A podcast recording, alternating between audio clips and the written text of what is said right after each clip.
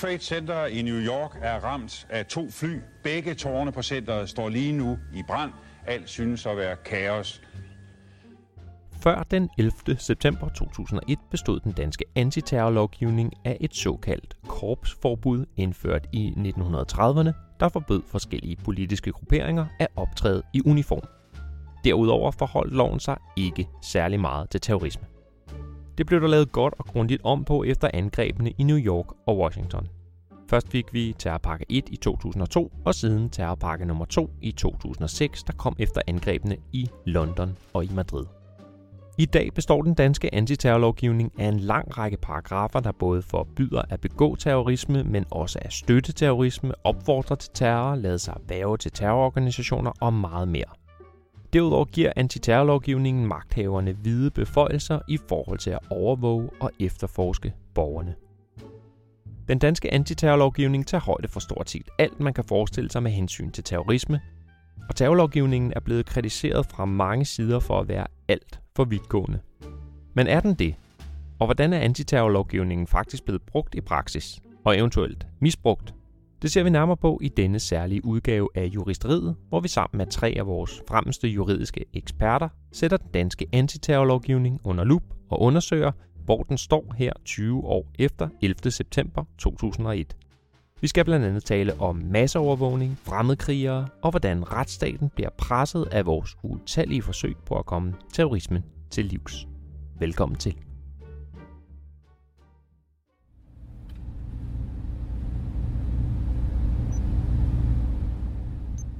Dette er lyden af en serverpark. Det er en samling af tusindvis af computere kaldet server, som styrer vores kommunikation, når vi går på internettet eller bruger vores telefon. De servere, der styrer kommunikationen, når vi bruger vores mobiler, har siden indførelsen af Terrorpakke 2 i 2006 registreret, hvem, hvordan og hvornår vi kommunikerer med hinanden.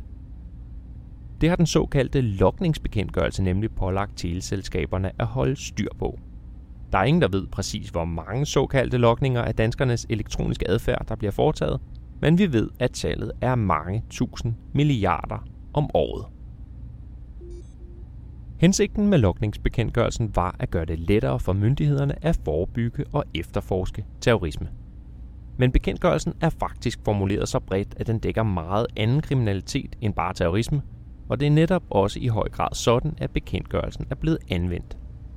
Spørgsmålet er så bare, om det overhovedet er lovligt at overvåge hele befolkningen over en kamp, eller om vi med lokningsbekendtgørelsen simpelthen sætter vores højt besungne frihedsrettigheder over styr. Og har denne masseovervågning af hele befolkningen faktisk virket i forhold til terrorisme og grove forbrydelser?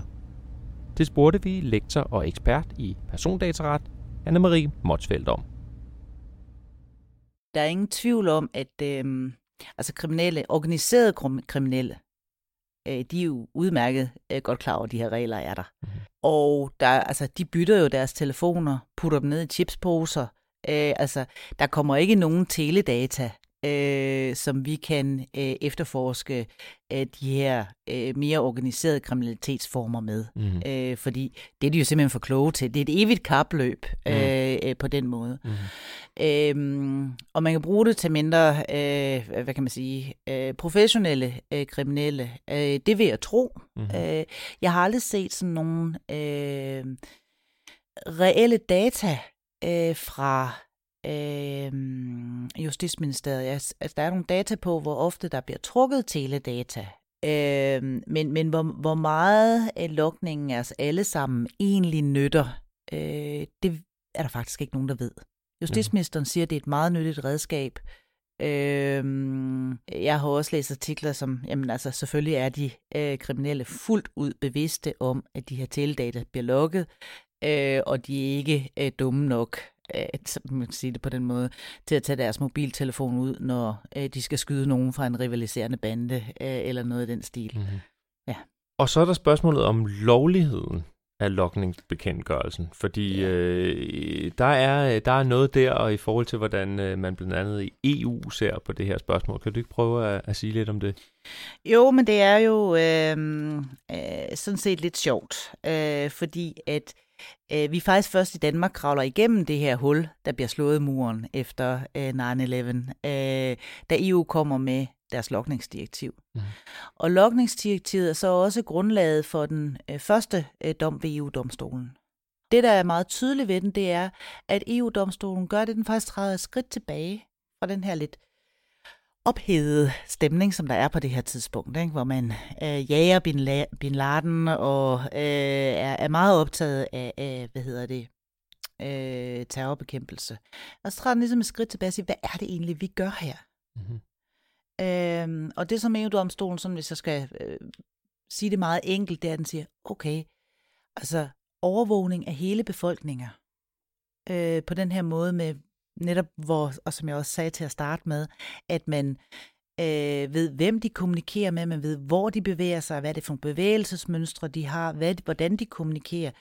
Øh, det er faktisk et meget, meget vidtgående indgreb øh, i borgernes ret til at have et beskyttet privatliv i forhold til staterne. Mm. Og det, som de så, øh, altså kan man sige, øh, går ind og gør, altså resultatet blev, at de simpelthen underkendte hele det her lokningsdirektiv øh, som øh, stridende mod øh, den europæiske unions charter om grundlæggende rettigheder. Det var simpelthen et indgreb i vores allesammens øh, borgerrettigheder. Så bare lige for at forstå det, så EU-domstolen går ind og siger, at øh, EU's lovgivning er... Ja, øh, lukningsdirektivet, som er EU's lovgivning, er ulovlig. Øh, og, og, og man kan sige, mange ting kan være ulovlige. Man kan sige, hvordan kan en lov være ulovlig? Eller her er det et direktiv. Men det kan den, fordi at da man overdrager den lovgivende magt som befolkning øh, til de demokratiske valgte, jamen der valgte vi som befolkninger at forbeholde os nogle rettigheder og sige, I kan gå hertil i jeres lovgivning og ikke længere. Mm. Altså, det er nogle garantier, som vi satte for også at sikre os nogle vel, et velfungerende demokrati. Ja. Sige, Staterne må gå hertil, ikke længere. Ja. Og det vil sige, der er også en grænse for den her øh, næst, altså omnipotente øh, lovgiver. Øh, ja. Og det her, det var så en af de grænser, som er ramlet ind i. Ja. Og så man sige, hvad gør det, at lokningsdirektivet øh, blev kendt ugyldigt? Jamen, altså, det, som er interessant, det er, at EU-domstolen faktisk går ind og siger, det første problem, der er, det er, at man overvåger alle øh, hele tiden, øh, og øh, stort set al øh, øh, hvad kan, alle deres øh, bevægelsesmønstre og, øh, og kommunikationsmidler. Mm. Øh, og tidspunkterne for mm. deres kommunikation. Øh, og det, det er så det, som man i dag lidt let kalder udifferentieret lokning. Mm. Det siger, det er det første problem. Den hurdle skal man over, hvis man skal lave en lovgivning, der holder sig inden for det her, som, som vi som mennesker har sagt hertil og ikke længere. Mm. Øh, og det næste, de siger, det er, når man så lukker, så skal man jo være opmærksom på, at det her det er en kæde. Øh, en ting er, at man får teleselskaberne til at opbevare alle de her informationer, alle de her data. En anden ting er, jamen, det er jo for, at de bliver brugt på et tidspunkt, i hvert fald nogle af dem. Ikke? Så man skal have nogle garantier både for indsamlingen, for den her læring. Den skal stoppe på et tidspunkt. Den skal jo ikke gemmes for altid. Øh, der skal være nogle garantier omkring, hvordan får staten så adgang til det her. Mm. Øhm, og der skal også være nogle garantier for den brug, som så foregår over hos politiet. Mm. Og så har man så brugt tiden efterfølgende til, hvad kan jeg sige, at fintune den her praksis. Og den mm. er blevet meget detaljeret i dag. Vil faktisk sige, aller, sidst her i 2020, øh, der er den europæiske menneskerettighedsdomstol også kommet på banen, og også begyndt at fintune, hvad er det for nogle krav, vi så faktisk skal stille øh, når vi ønsker at lukke. Fordi det er ikke sådan, en lukning i sig selv øh, går over den der grænse, vi har sat. Mm. Men lukningen skal være differentieret. Mm-hmm. Øh, I hvert fald i de fleste tilfælde. Der er nogle tilfælde, hvor den faktisk godt kan overvåge en hel befolkning. Øh, og hvis jeg skal sige det meget enkelt, så er det, når skuddene lyder ind i krudtønden, så skal der være en stor rød knap på justitsministerens bord, og så kan han hamre på den. Mm-hmm. Og så bliver vi alle sammen overvåget. Mm. Øh, det er, når man har den her øh, akutte trussel. Mm-hmm. Øh, så må man faktisk gerne. Men der skal meget til at bære den øh, i øvrigt. Så ellers så skal man ind og variere, skal man sige, det er nogle områder, hvor der meget ofte er alvorlig kriminalitet. Mm-hmm. Vi kunne tænke Nørrebro for eksempel. Øh, der har jo altså været perioder, hvor der har været meget ballade. Mm-hmm. Øh, eller også skal det være målrettet bestemte grupper. Mm-hmm. Grupper, som har en eller anden alvorlig kriminalitet bag sig. Så man har nogle internationale domme, EU-domme, Ja, og faktisk også dommen fra den europæiske menneskerettighedsdomstol. Og fra den europæiske ja. menneskerettighedsdomstol, der, der, der peger på i forskellige lande, at øh, det her, det er, øh, det er ikke i orden. Det er ulovligt på forskellige måder. At det er over grænsen. Det er over grænsen. Ja. Er det så noget, vi har taget af notam i Danmark og øh, tilpasset vores øh, lokningsbekendtgørelse på baggrund af? Nej. Øh, vi har et udkast lige nu liggende fra Justitsministeriet øh, efter de her mange, mange år mm. øh, på, hvordan man måske vil indrette øh, nogle nye regler, øh, så de bliver i overensstemmelse øh, med, og der vil jeg godt igen sige, det er jo ikke i overensstemmelse med EU-domstolens praksis, det er i overensstemmelse med, hvad vi som befolkning har sagt, her går grænsen. Mm. Vi skal holde op med at lukke udifferentieret, øh, men vi skal også stille nogle stærkere garantier for, i forhold til, hvad er det så faktisk politiet kan indhente, og hvordan øh, kan de indhente det. Ja. Er det bare op til den enkelte betjent øh, eller politiet? Øh, hvornår skal det man have en, en dommerkendelse? Og hvad er der i øget af efterfølgende øh, trygtest af, om det er lovligt, hvad politiet har foretaget sig? Og når man nu har haft de her øh, internationale øh, domme øh, i så lang tid, som har påpeget, øh, at, at, at det her ikke, øh, eller at det her var over grænsen, øh, hvorfor har man så ikke øh, gjort noget ved det i Danmark? Åh, oh, jamen det er der jo frygtelig mange konspirationsteorier om, øh, og det, jeg synes, det er faktisk det er noget af det, der bekymrer mig mest. Øh, det er den vrede, det har vagt. Øh, der er selvfølgelig en del af befolkningen, der er ligeglad, men der er også en stor del, der faktisk er vred. Og det kan jeg også godt forstå. Jeg er et justitsministerium, justitsministerium, øh, som ikke har overholdt øh, lovgivningen i mange, mange år. Øh, det er alvorligt. Øh, og det er højst besynderligt. Mm-hmm. Øhm, men det er det så alligevel ikke, hvis man sådan har fulgt det her lidt. Mm-hmm. Så vil man lægge mærke til, at der sker det i 2015-16. Der bestiller Justitsministeriet en konsulentrapport på, hvis vi nu skal få fikset øh, det her, øh, så skal vi også ind og pille ved IT-systemerne. Øhm, og øh, kunne I lige, kære konsulentfirma, øh, finde ud af, hvordan gør vi nu det, og måske også lige give os et estimat på, hvad det koster. Mm-hmm. Øh, og prisen for de justeringer, som skal til for at gøre det lovligt, ligger i omegnen af en milliard. Det er faktisk min personlige teori, at det er der smertebarnet er. Mm. At det er så dyrt øh, at lave det om, som man har. Og jeg tror faktisk også, at derfor, jeg håber på, at vi faktisk får nye regler nu. Mm. Fordi teledataskandalen, som sådan set handlede om noget helt andet, øh, den har gjort, at Justitsministeriet alligevel øh, skal i gang med at arbejde med øh, at få lovliggjort deres IT-systemer. Mm-hmm. Øh, så der kunne de næsten lige så godt øh, tage den her med i alle de ekstra bevillinger, de skal have. Ja. Så mm. jeg, er forhåbningsfuld, eller jeg har håb om, at vi får lovliggjort øh, den danske overvågning ja. øh, inden for sådan et par år. Ja. Men så er der også gået mange år. Ja. Og så her til sidst, øh, Anne-Marie, øh, når vi snakker om det her med, med lokningsbekendtgørelse osv., du var lidt inde på det tidligere, men der er alligevel nogen, som måske vil tænke, det, er sådan, det lyder som lidt en teoretisk problemstilling, og den er ikke så praktisk. Øh, øh, der er nogen, der vil sige, at det faktisk ikke har de store betydning for såkaldt almindelige mennesker. Øh, hvad tænker du om, om sådan en indvending?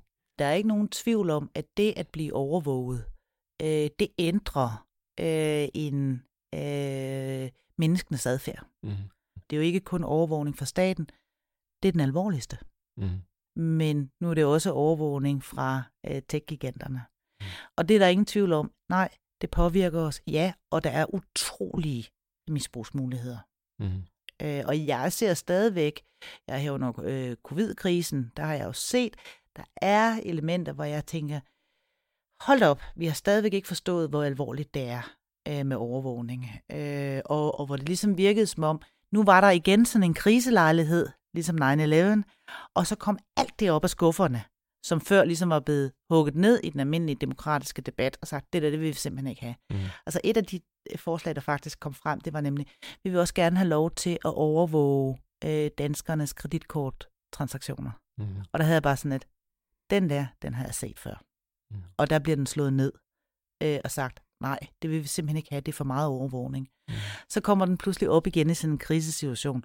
Og var det så i realiteten øh, for, øh, og her tænker, tænker jeg sådan set ikke politisk spil, men jeg tænker, der er jo nogle embedsmænd, der før har siddet og udredt, hvor meget vil vi faktisk kunne få ud af at have alle de her kreditkorttransaktioner øh, til at efterforske hvidvask og alt muligt andet. Mm. Øh, ulovlige øh, køb på DBA og, og hvad ved jeg. Mm. Øhm, og så lige her, da lejligheden var den, så kom den op på skrivebordet igen. Mm. Nu kan man sige, nu kastede dataetisk råd sig froden over den, mm. øh, og øh, fik den ned i skuffen igen. Men hvor meget drejede det der så om covid? Mm. Og det er jo det, kriser gør. Det er de for de der ting op på skufferne igen. Mm. Øh, og det har taget rigtig lang tid. Og øh, jeg vil sige, vi har ikke, vi har ikke fået det ned i skuffen igen øh, efter 9-11. Men i hvert fald få det modificeret. Mm. Øh, det, øh, som kom op. Ja. Som jurist, der går jeg jo ind og ser på, jamen, hvad er det for øh, nogle hæderkronede principper, øh, som vi faktisk har bygget Europa øh, op om. Mm. Og der er det faktisk en af dem, at staten skal ikke overvåge sine borgere. Mm. Staten skal have tillid til sine borgere. Det er ikke til borgerne, der skal have tillid til staten. Mm. Det er staten, der skal have tillid til borgerne. Mm. Jamen, øh, mange tak, Henrik. Velkommen. I december 2017 bliver to mænd dømt for i 2013 at lade sig væve af islamisk stat i Syrien. De to mænds ophold i Syrien varede kun 18 dage, inden de vendte hjem til Danmark igen. Det gjorde de, fordi den yngste af de to, der dengang var 17 år gammel, blev syg og fik brug for lægehjælp. Igennem retssagen nægter begge sig skyldige. De siger, at de var i Syrien for at uddele nødhjælp. Men retten kender dem altså skyldige i at lade sig væve af islamisk stat, og den ældre af de to, der i 2017 er blevet 30 år, bliver idømt 5 års fængsel, mens den yngre, der i mellemtiden er fyldt 21, får 3 år og 6 måneders fængsel. Året efter, i 2018, bliver en kvinde dømt for at have forsøgt at rejse ind i Syrien for at tilslutte sig islamisk stat. Kvinden, der var 17 år, da hun forsøgte at tage til Syrien, skulle have rejst med tre andre, men hun kom aldrig afsted, fordi hendes forældre tog hendes pas. Alligevel lød dommen på tre års fængsel. Sagerne er blot to i en række af sager, der siden 2016 har ført til domme mod de såkaldte fremmedkrigere. Sagerne er et direkte udtryk for den omfattende ændring, der er sket i dansk straffelov siden angrebene i New York og Washington den 11. september 2001. Med terrorpakkerne fra 2002 og 2006 ville man gerne både kunne forhindre og straffe terrorisme i langt højere grad end tidligere. I midlertid fik man en særlig udfordring med netop fremmedkrigere, altså danske statsborgere eller folk, der har boet her hele livet, som lader sig værve eller værver andre til for eksempel islamisk stat i Syrien. Begge dele er som følge af terrorpakkerne blevet ulovligt gjort, men selvom vores antiterrorlovgivning på papiret burde gøre det lettere at retsforfølge fremmedkrigere, så havde den danske anklagemyndighed alligevel i lang tid svært ved at rejse tiltale mod de personer, der var udrejst til konfliktzonen i Syrien eller det nordlige Irak. Hvorfor det alligevel til sidst blev muligt, er en ret fascinerende historie, som professor Jørgen Vestergaard leverer her. Det er jo fuldstændig rigtigt, at øh, i første omgang så var fokus øh, først og fremmest på at bekæmpe terrorisme her i landet. Øh, og så efter fremkomsten af islamisk stat, der i, i øh, 20, 12, 13 stykker, så blev spørgsmålet om fremmed, fremmedkrigere øh, aktuelt, og man ønskede jo i første omgang at forhindre, at øh, herboende, eller måske ligefrem danske statsborgere, udrejste. Og senere blev det så et spørgsmål om, om at tage sig af dem, som havde været afsted og som kom hjem. Og grunden til, at øh, det var svært i første omgang at få rejst tiltale, det var, at øh, der var en vis tøven i anklagemyndigheden, fordi beviserne selvfølgelig øh, ikke sådan let lod sig indsamle. Det var svært at få redde på, hvad en udrejst øh, person, som øh, til synligheden havde tilsluttet sig islamisk stat, egentlig havde foretaget sig. Havde vedkommende været med til at begå i terrorhandlinger, øh, øh, bumpning og overtrædelse af krigens love, øh, havde vedkommende øh, på, på andre måder øh, overtrådt dansk lovgivning, for eksempel ved at modtage våbentræning. Det var jo ikke nemt at få reddet på. Så skete der det på et tidspunkt, at islamisk stats, eller en del af islamisk stats medlems kartotek lækkede, og øh, i den sidste ende tilflød øh, den danske efterretningsvæsen og, og den danske øh, anklagemyndighed. Og den daværende justitsminister Søren Pind havde længe kritiseret den tidligere regering, den socialdemokratiske regering, for ikke at foretage sig noget med henblik på at retsforfølge de der øh, hjemvendte fremmedkrigere. Og nu kom der skub i det, fordi han var så selv blevet chef for anklagemyndigheden, og der blev nedsat en taskforce, som så skulle sortere de oplysninger, som PET var i besiddelse af, og så tog man de sager, som der var mest hold i, herunder først og fremmest dem, hvor den udrejste og nu hjemvendte havde altså optrådt i det der øh, famøse medlemskartotek. Mm-hmm. Og øh, når man så blev medlem af islamisk stat, så kunne man krydse af, om man ønskede at blive kriger, om man ønskede at blive martyr, eller om man ønskede at blive selvmordsbomber. Og der var sådan set ikke andre alternativer. Så i det tilfælde, hvor øh, valget så var faldet på at sætte flueben ved kriger, så var der jo sådan set et vist grundlag for at øh, rejse tiltale og for at øh, dømme den pågældende. Også selvfølgelig i lyset af de efterretninger og de beviser, man i øvrigt kunne, kunne fremskaffe. Og så rullede den første, øh, det var sagen mod pizzabageren fra, fra, fra Ishøj, øh, som modtog den første øh, af de her domme mod fremmedkrig, og øh, han blev dømt seks års fængsel og frataget sit danske statsborgerskab, fordi han også havde dobbelt statsborgerskab, og han blev udvist for bestandig. Og senere er der også rullet faktisk en hel stribe øh, domme frem mm. mod de såkaldte fremmedkrigere. Mm. Ja, og jeg har været øh, i oplægget til, til det her interview øh, været inde på, øh, på, to, øh, på to af dem. Øh, Blandt andet øh, det her tilfælde med øh, øh, den her unge øh, kvinde, som bliver dømt for at have forsøgt at rejse ind i Syrien for at tilslutte sig islamisk stat. Hun kommer aldrig afsted, fordi hendes forældre tager øh, hendes pas. Hun var 17 år på det tidspunkt, øh, bliver så året efter dømt øh, tre års fængsel, øh, da hun så er, er blevet 18 alligevel for, for, for intentionen, selvom hun aldrig øh, komme afsted. Øh, det er jo selvfølgelig et eksempel blandt flere, og, øh, men hvis man ser sådan på de her danske sager om, om fremmedkrigere sådan øh, lidt under en paraply, hvordan vil du så vurdere de, øh, de straffe, der, der er givet? Straffene øh, må jo sige sig at være forholdsvis hårdere, fordi øh, den typiske straf den ligger altså der i omegnen af fire års fængsel plus minus, afhængigt af, om der kun, som i det der tilfælde, du nævnte, var tale om et forsøg på at komme afsted, eller om den, den pågældende faktisk har været øh, i Syrien og har modtaget våbentræning lige frem.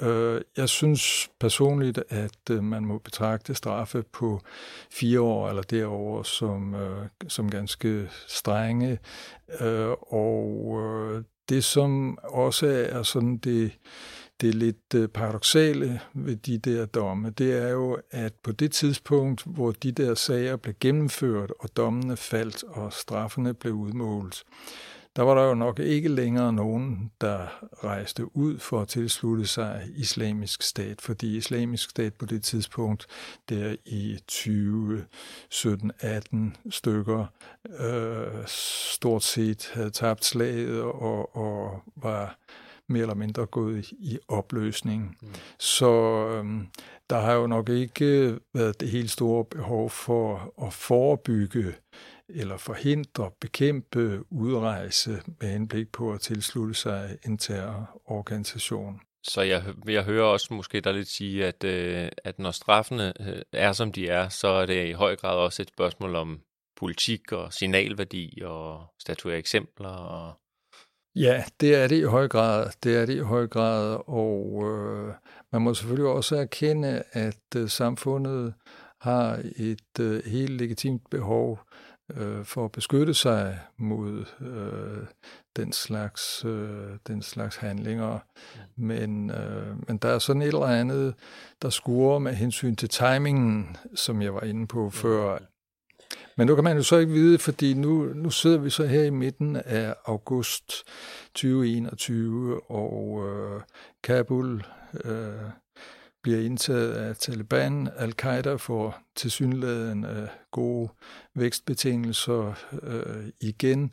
Og oprindeligt var det jo sådan, at hele antiterrorindsatsen i høj grad var rettet mod øh, Taliban og al-Qaida, og først og fremmest øh, med henblik på, at, øh, at al-Qaida ikke skulle have held til øh, og, og bidrage til terrorhandlinger i, de, i Vesteuropa eller i USA, øh, i de vestlige lande i det hele taget. Og nu kan man jo så måske frygte, at, øh, at der, der igen vil ske en opblomstring af den slags aktiviteter. Og der må man så konstatere, at med hensyn til øh, at være dækket ind i national lovgivning, der er Danmark helt i forfront. Der er simpelthen ikke øh, huller i dansk terrorlovgivning, i hvert fald ikke i strafloven, og retsplejeloven har også på alle ledere og kanter taget højde for de særlige bevisvanskeligheder, øh, som gør sig gældende i terrorsager. Mm-hmm.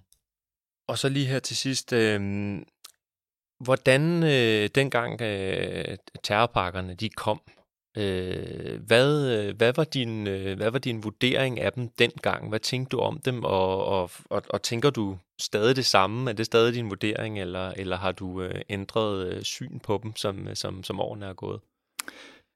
Altså min vurdering, da øh, lovforslaget til den første antiterrorpakke blev fremlagt, det var, at øh, der var tale om meget vidtgående og vage øh, straffebestemmelser, som kunne sætte retssikkerheden på en hård prøve, og som også kunne gøre det vanskeligt øh, for personer, som sådan bevæger sig i yderkanten af normalsamfundet, og som måske er mere eller mindre øh, militante, i hvert fald i deres retorik, øh, orienterer sig med henblik på, om man holder sig på den rigtige side af lovgivningen.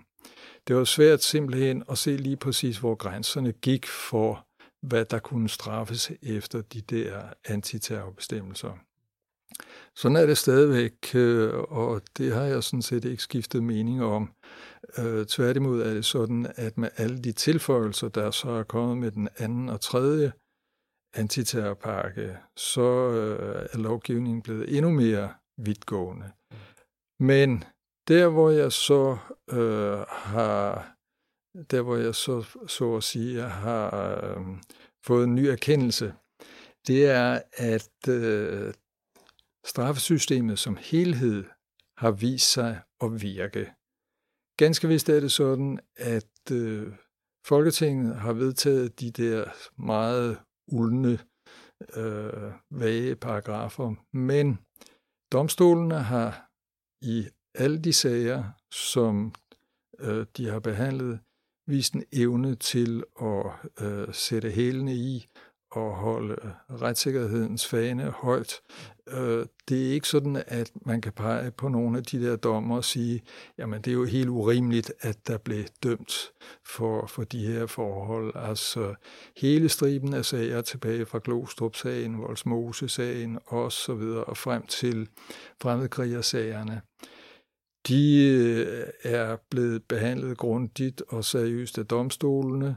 Straffene har i nogle tilfælde været diskutable, fordi de kan virke strengere, end øh, der sådan set øh, nødvendigvis er behov for. Men selve skyldspørgsmålet, det mener jeg ikke, der har kunnet være tvivl om i de sager, som er blevet, blevet pådømt. Mm.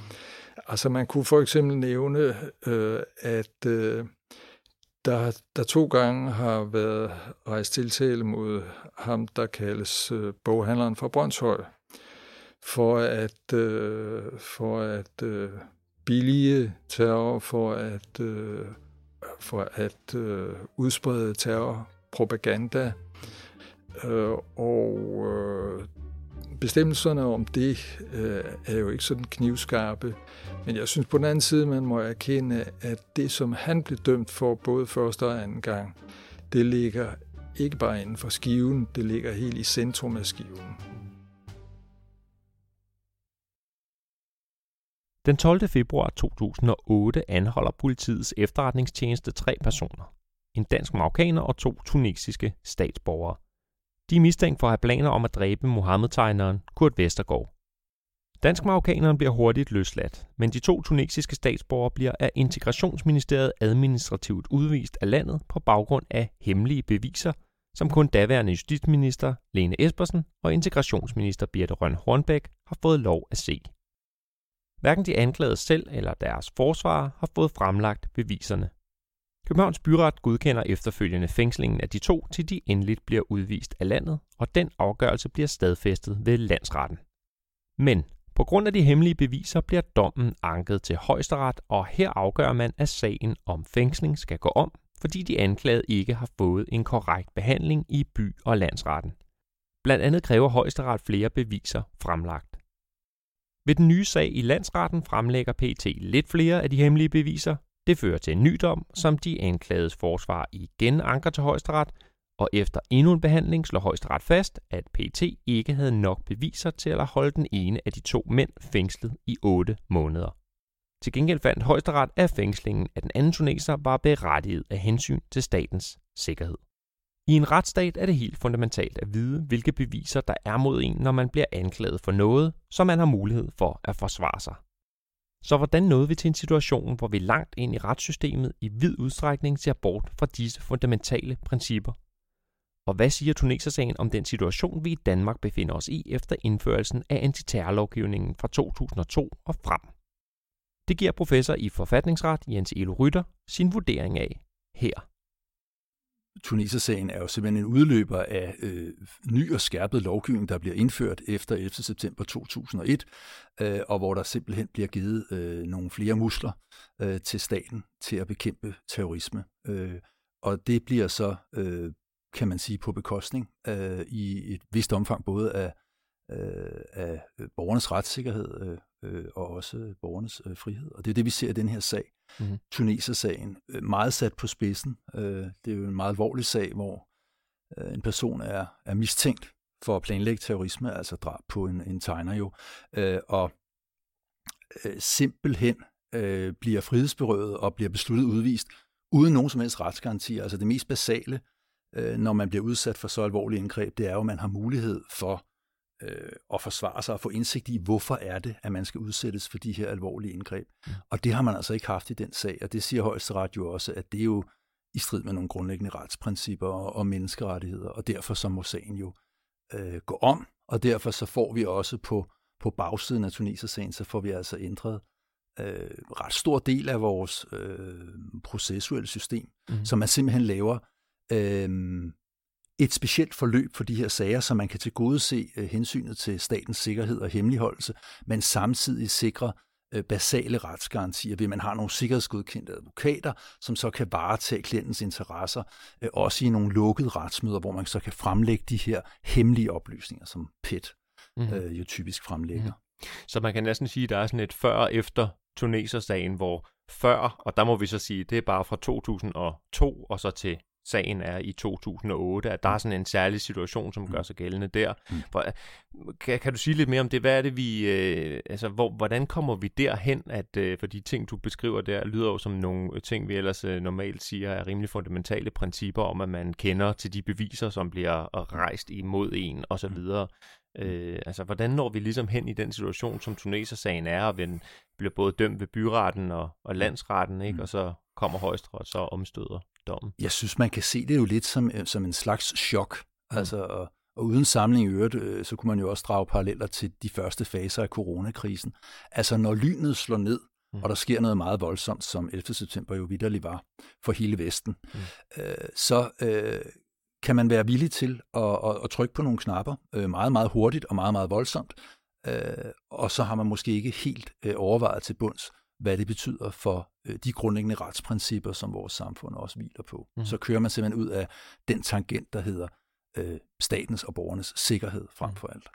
Og så er det så ligesom med, med Tuneser-sagen, så bliver man så lidt klar over, hov, mm. der er måske nogle ting, der, ja. der er gået lidt for langt, og så får man justeret noget. Ja, men det bekymrende er jo sådan set, at den lovgivning får lov at leve ret længe, øh, mm. indtil vi får den her sag, og den får egentlig også lov at overleve både byret og landsret. Det, mm. det synes jeg er bekymrende. Mm. Øh, der kan man så sige, at det var godt, at højesteret trods alt sat foden ned. Mm-hmm.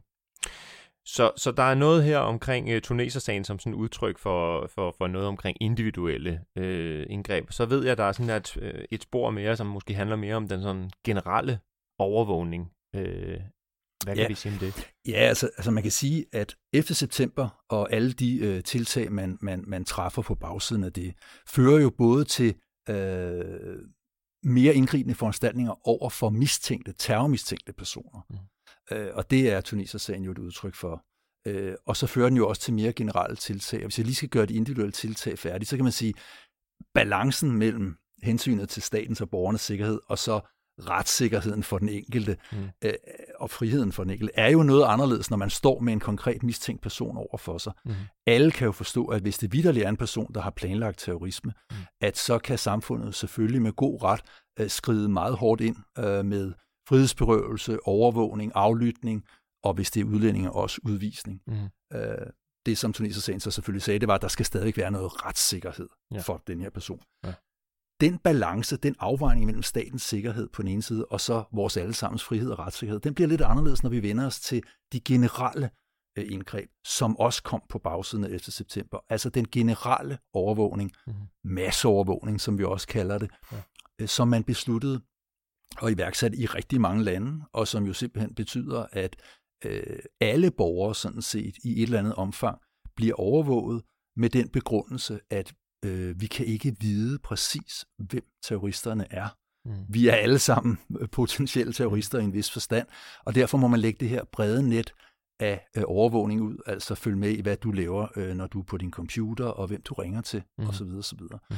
Og det er jo en lidt anden situation, fordi i mange tilfælde vil den overvågning, som er den generelle overvågning, jo vise sig at være fuldstændig ubegrundet. Langt de fleste mennesker øh, har jo ikke øh, terrorintentioner. Øh, problemet er, at man kan ikke lide, hvem der er på forhånd, og det er det, man har prøvet at begrunde den her masseovervågning med.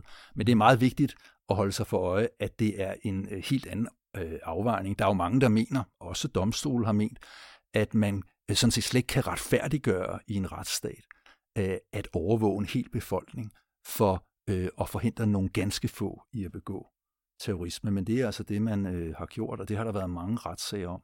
Mm-hmm på den ene side, så vil vi gerne forebygge terrorisme, mm. og der argumenterer man fra myndighedernes side med, der er vi nødt til at have de her redskaber, mm. at vi kan øh, følge med i, hvad der foregår på nettet og, og i kommunikation i det hele taget. På den anden side har vi jo nogle meget klassiske øh, frihedsrettigheder, som handler om, at man har ret til at få beskyttet sit privatliv mm. og sin kommunikation. Øh, det går jo flere hundrede år tilbage, mm. og det er jo det, man er inde og pille ved her. Mm.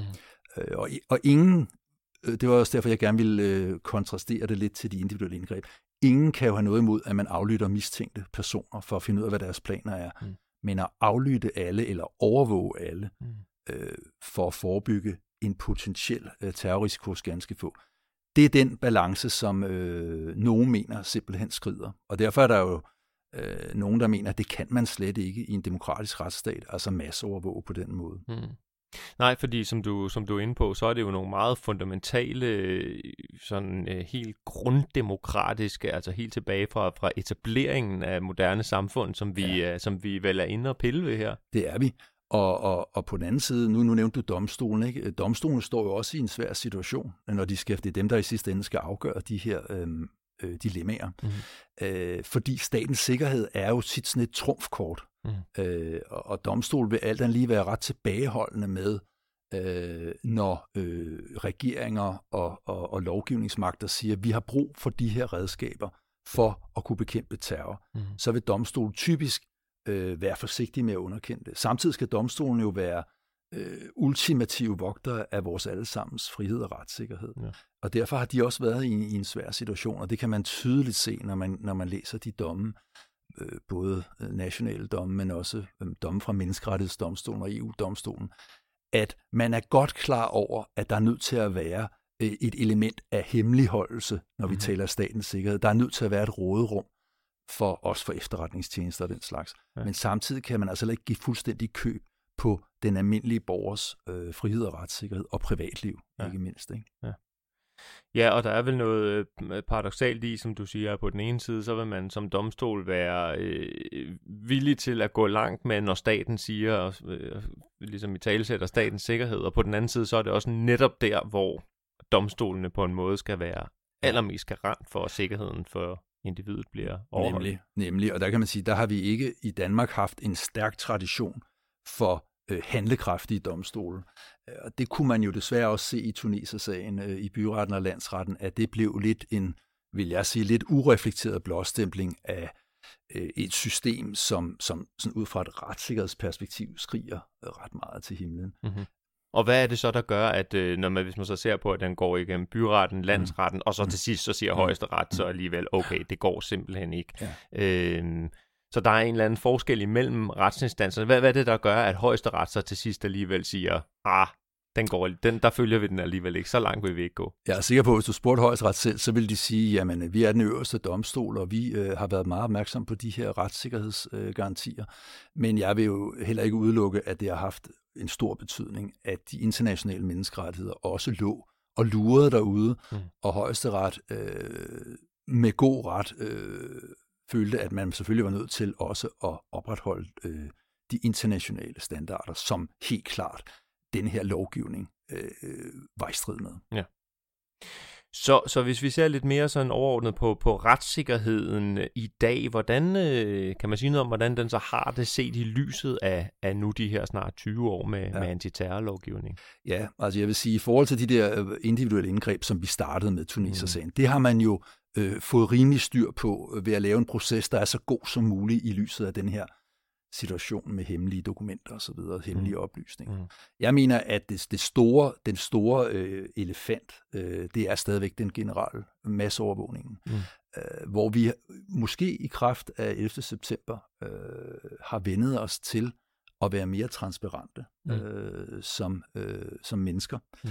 øh, i et samfund. Der, der, har, der har terroren ligesom været en form for rambuk til at slå et hul ind i øh, denne her øh, tanke om, at, at, øh, at man kan måske godt øh, acceptere, at, at vi alle sammen skal overvåges for at forhindre, at nogle ganske få begår terrorisme. Mm. Så har der været en glidebane, ikke? hvor øh, hvor den her øh, masseovervågning, som egentlig var tænkt øh, til at bekæmpe terrorisme, den er blevet bredt ud, og den bruges også til at bekæmpe andre former for kriminalitet. Øh, og det øh, er der jo så en stor debat om. Mm. Jamen, kan vi måske acceptere det i forhold til terrorisme og andre trusler mod statens sikkerhed som sådan? Mm. Men kan vi ikke acceptere den glidebane, hvor det bliver sådan et mere almindeligt redskab, også i, øh, i politiets arbejde? Men det er en meget, meget øh, svær diskussion, også fordi som jeg ser det, så er det her med balancen mellem tryghed, sikkerhed og, og så privatlivsbeskyttelse, det er også lidt et moving target, fordi som jeg også sagde før, der sker også en tilvænding, måske ændrer øh, vores normer som mennesker os også mm. øh, i den her proces. Så det er ikke sikkert, at man, man kan bruge den tradition, der er 200 år gammel øh, i dag, fordi vi også, vi har måske også forandret som samfund på de her 20 år mm. siden 11. september. Mm. Øhm, og acceptere måske at være mere øh, gennemlyst. Mm-hmm. Både, af, både af myndighederne, men jo selvfølgelig også af, af private virksomheder. Ja. ja, også fordi der i mellemtiden så er sket en enorm teknologisk ja. udvikling, som lige præcis gør noget af den her gennemlysning meget mere ja. øh, lad sig gøre om man så Ja, ja, altså du, du, du, du, øh, du øh, hooker dig op på Facebook eller øh, bruger Google, og der accepterer du så mere eller mindre stiltigende eller uvidende, at du er enormt transparent. Ja. Øh, og i virkeligheden så tror jeg også, at, at, at det også har selvfølgelig en betydning for, i hvilket omfang man kan, så kan acceptere overvågning fra myndighedernes side. Ja. Så der er vel et eller andet øh, i forhold til det her noget, øh, har man snakket om noget paradoxalt i, at med, med, med den her øh, overvågning og kontrol og så indskrænkning af frihedsrettigheder, så ender vi på en eller anden måde med at øh, lukke os mere øh, og, og, og lidt... Øh, ødelægge vores egne åbne samfund, eller idealerne om det i hvert fald, mm. på en måde lidt ligesom terroristerne helt andet sted mm. ønskede, at vi mm. skulle gøre. Er det simpelthen prisen, vi, øh, vi kommer til at betale i, i antiterrorlovgivningen? Ja, det er der jo nogen, der siger, at, øh, at vi øh, at på den måde så sejrer terroristerne ved, at vi bliver et mere øh, overvåget og mindre frit øh, samfund.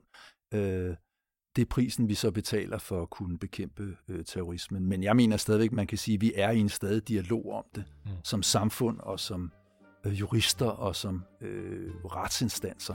Mm. Øh, det, det er ikke noget, der bare øh, får lov at skride fuldstændig. Nej, der er noget rum til ongoing forhandling af, hvordan det her det skal udmønte Ja, det, det, det er et godt udtryk. Der er en løbende, der er simpelthen en løbende forhandling om det her. Ja. ja.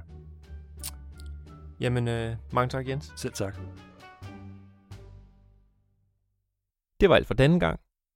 Vi lånte klip fra Danmarks Radio. Tak for det. Ris, ros eller gode forslag til udsendelser om jura modtages med glæde på redaktion jur.ku.dk. Vi lyttes ved.